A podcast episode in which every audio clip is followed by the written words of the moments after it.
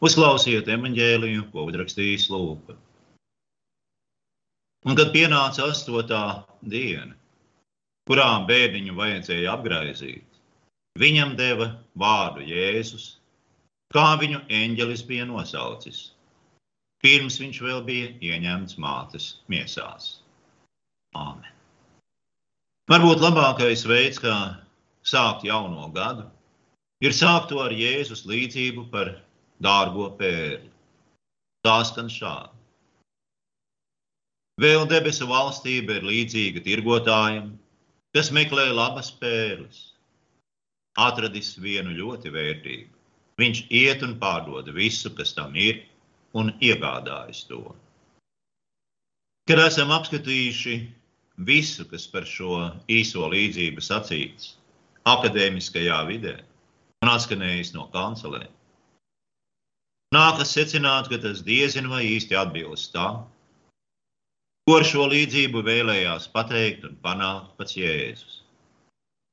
Līdzība par dārgo pēļu ir tik grūti saprotama tādēļ, ka Jēzus ne tik daudz būs vēlējies, lai tā tiktu saprast, cik viņš vēlējās ar šo līdzību iztraucēt snaudošos cilvēkus, lai tie uzdotu jautājumu kam tad manā dzīvē ir īsta, patiesa vērtība? Viņš vēlējās, lai ķeramies pie savu prioritāšu izvērtēšanas. Kas tad mūsuprāt ir debesu valstība? Ko mēs patiesi vēlamies? Un vai tās spēles, ko meklējam, ir meklēšanas mūsu pūļu vērtas? Ja beigu beigās taču ne visas spēles, kas pārdodas, ir īstas. Dažas ir viltotas bet cena tām nav mazāka kā īstajām pērlēm. Vārds pērle grieķu valodā ir margarita. Tad nu lūk, kāda sieviete izdzirdējusi šo līdzību sacījumu. Margarita patiesi bija mana dārgā pērle. Viena ļoti vērtīgā. Tās dēļ es pārdevu visu. Māju, ēdienu, ģimeni, visu, kas man bija. Šī sieviete ārstējās no alkoholisma. Margarita, kuras dēļ viņa deva visu, protams, bija viņas iecienītais tekilas kokteils. Lai ko kāds par to sacītu, pie šīs sievietes Jēzus līdzība būs panākusi savu. Jo tas, ko mēs bieži dzirdam Jēzus sludināšanā, ir rūpes par to, lai cilvēki noteiktu savas prioritātes to, kas ir pats svarīgākais un augstākais viņu dzīvēs. Jēzus ierašanās šajā pasaulē rada kādu pavisam jaunu realitāti, kuru viņš pats sauc par dieva vai debesu valstību. Un Jēzu tā ir jau atnākusi, un tā ir mūsu vidū. Un atbildot uz jauno dzīves realitāti, kaut kas ir jādara. Vismaz ir jābūt skaidrībai par to, kas mums paturams un no kā mums jāatbrīvojas. Kā mēs dzīvotu, ko mēs darītu un kā rīkotos. Ja zinātu, ka pasaules gals un pasarā tiesa būs, nu teiksim, parīt. Kas ir tas, kas mums rūp visvairāk? Tā kā mēs zinām, ka materiālas dabas vērtības krāj tikai putekļus un rūs. Tā kā mēs zinām, ka vienīgā lieta, kurai ir īsta nozīme, ir manta debesīs tad mums pavisam noteikti kaut kas ir jāmaina savā dzīvē. Un tas ir tas, ko Jēzus vēlas panākt ar savu līdzību. Proti, viņš vēlas, lai noskaidrojam savas prioritātes.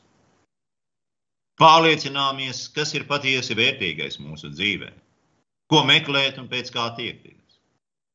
Un te mēs varam vaicāt, kādas prioritātes bija pašam Jēzum. Un tas ir diezgan vienkāršs jautājums, uz ko mēs varam saņemt atbildi evaņģēlijos. Darīt tēva prātu, meklēt un glābt pazudušos grēciniekus. Tas ir tas, ko nozīmē arī viņa vārds Jēzus.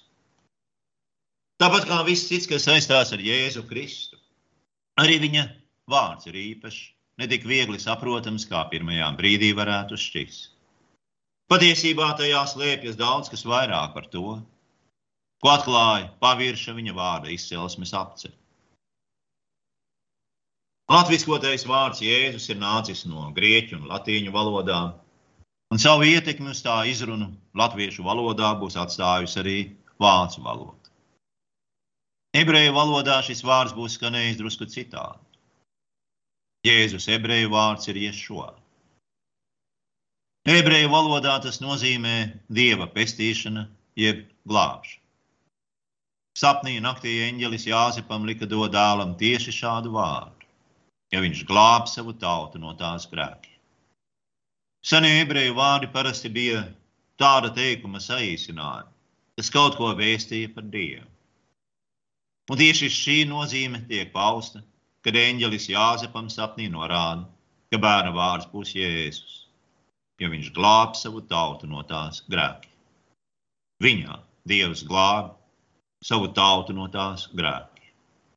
Un jaunās derības skatījumā mēs redzam, ka Dieva atjaunošanas plāns ir bijis daudz plašāks par tikai jūdu tautas reliģisku atjaunošanu.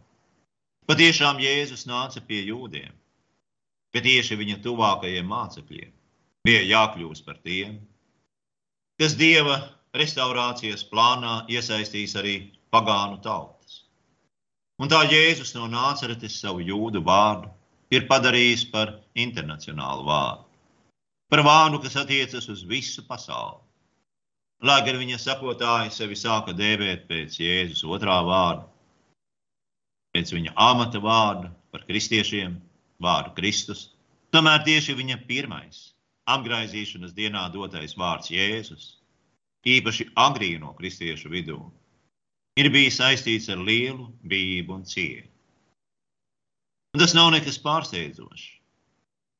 Jo tam, kas zina šā vārda dziļāko jēgu, ir skaidrs, ka šeit atklājas tas, ko vēlāk apstulis Pēters, viņa māceklis, stāvot jūda augsto priesteru priekšā, apliecina. Nav neviens cits vārds zem debesu cilvēkiem dots, kurā mums lemta pestīšana. Tieši Dieva dēla pieņemtajā cilvēka miesā, uz ko norāda vārds Jēzus, Dievs veids cilvēces glābšanu no grēka un nāves. Un šī glābšana ir nesaraujami saistīta ar ticību tam, ko Dievs ir darījis cilvēka Jēzus miesā. Proti, izcietis sodu par visu cilvēku grēku.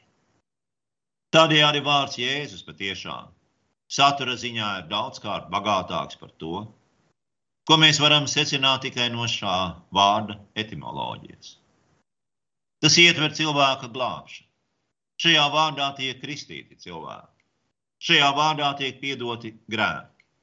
Šajā vārdā apstuļi dziedina slimos, un šajā vārdā visiem ticīgajiem tiek apsolīta mūžīgā dzīvošana jaunajā pasaulē.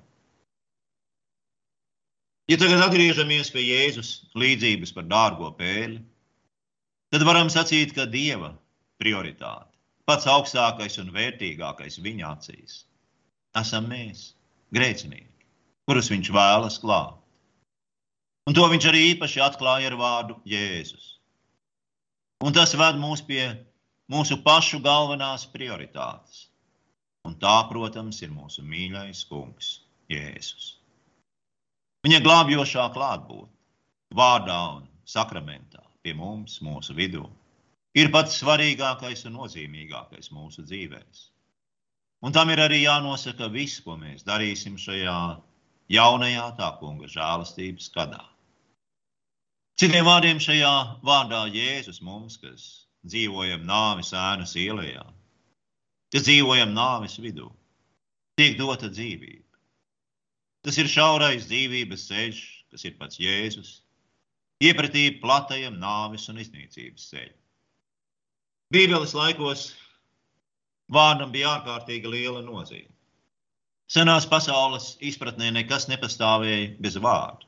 Ja nebija vārda, nebija arī pašas būtnes, priekšmeta vai parādības. Kad Dievs ar savu varano radošo vārdu radīja universu, viņš pabeidza savu radīšanas darbu, dodot visam radītajam vārdu.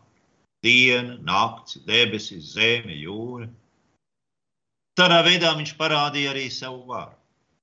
Jo tā ir vara, kas piemīt tam, kurš dod vārdu.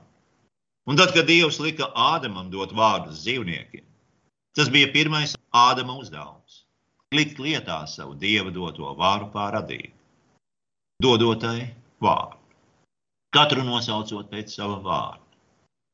Un tā kā personu vārdiem bija liela nozīme, tad vēlāk pagāni centās manipulēt ar dieviem, izmantojot viņu vārdus.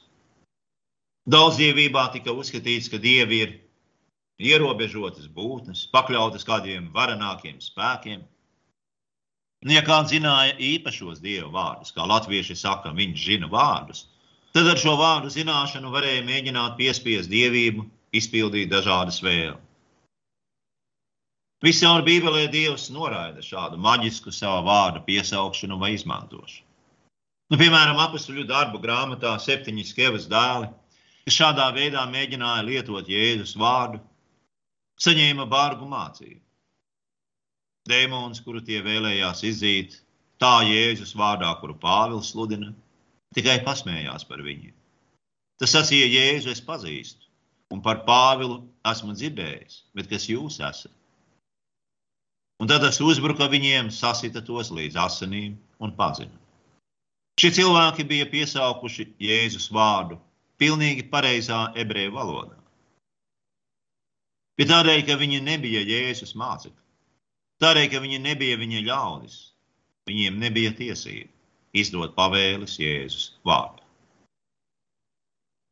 Un tas ir svarīgi. Tāpat kā vēl svarīgas ir vairākas citas lietas, ko Bībele mums māca par vārdu un vārda nozīmi. Vairākas jūdu idiomas ir radušās no izpratnes par personas vārda saistību ar pašas personas identitāti, jeb tās būtību. Saprotot idiomātisko vārda nozīmi, mēs labāk izprotam arī evaņģēliju tekstus. Un tā kādā vietā Jēzus saka, kas uzņem pravieti pravieša vārdā, tas dabūs pravieša algu. Kas uzņem taisnu taisnā vārdā, tas dabūs taisnā algu un kas dzirdinās vienu no šiem mazākajiem, tikai ar augstu ūdens kausu mācekļa vārdā. Patiesi es jums saku, tām sava alga nezudīs. Pirmajā brīdī Jēzus vārdi šķiet nesaprotami. Nu, kā man kāds var uzņemt pravieti pravieša vārdu?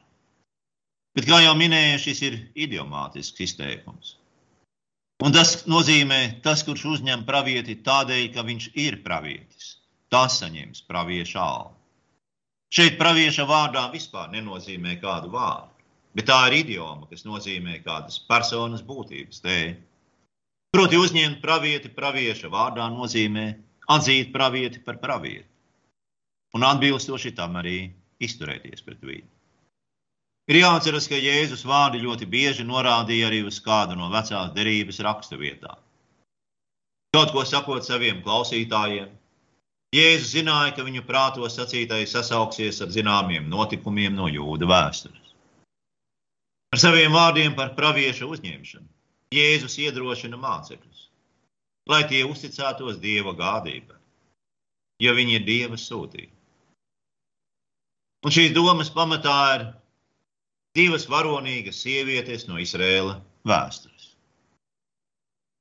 Viena no šādām sievietēm bija atraita kas pie Seraptas uzņēma pravieti Ēliju pravieša vārdā.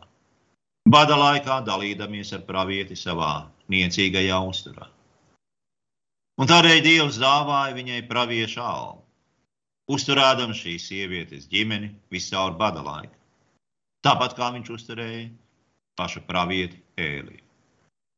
Otra sieviete bija kanāniešu prostitūta Raheba kas uzņēma taisnīgu cilvēku, taisnīga cilvēka vārdu. Viņa paslēpa Jozos sūtītos jūdas piegus, jo viņa ticēja Izraēla dievam. Un tādēļ, ka viņa jūdas piegu darbību atzina par taisnu rīcību, pati Rahaba tika pasludināta par taisnu un saņēma tādu pašu algu. Viņai tika atļauts dzīvot tajā zemē kopā ar izrēliešiem. Šos piemērus no vecās derības Atsauces uz tām Jēzus lietoja, lai iedrošinātu savus mācekļus, kurus viņš izsūtīja sludināt evaņģēliju. Klusi norādīdams, ka viņš par tiem gādās, tāpat kā bija gādājis par saviem ļaudīm vecās derības laikā. Ja kāds dos viņa mācekļiem kaut vai tikai ūdens kausu, lai atbalstītu viņu darbību, tas saņems mācekļu algu. Dievs ne tikai gādās par Jēzus mācekļiem, bet arī par tiem, kas atbalsta un rūpējas par viņa mācekļiem. Un tā ir svarīga atziņa, domājot par savām prioritātēm jaunajā gadā.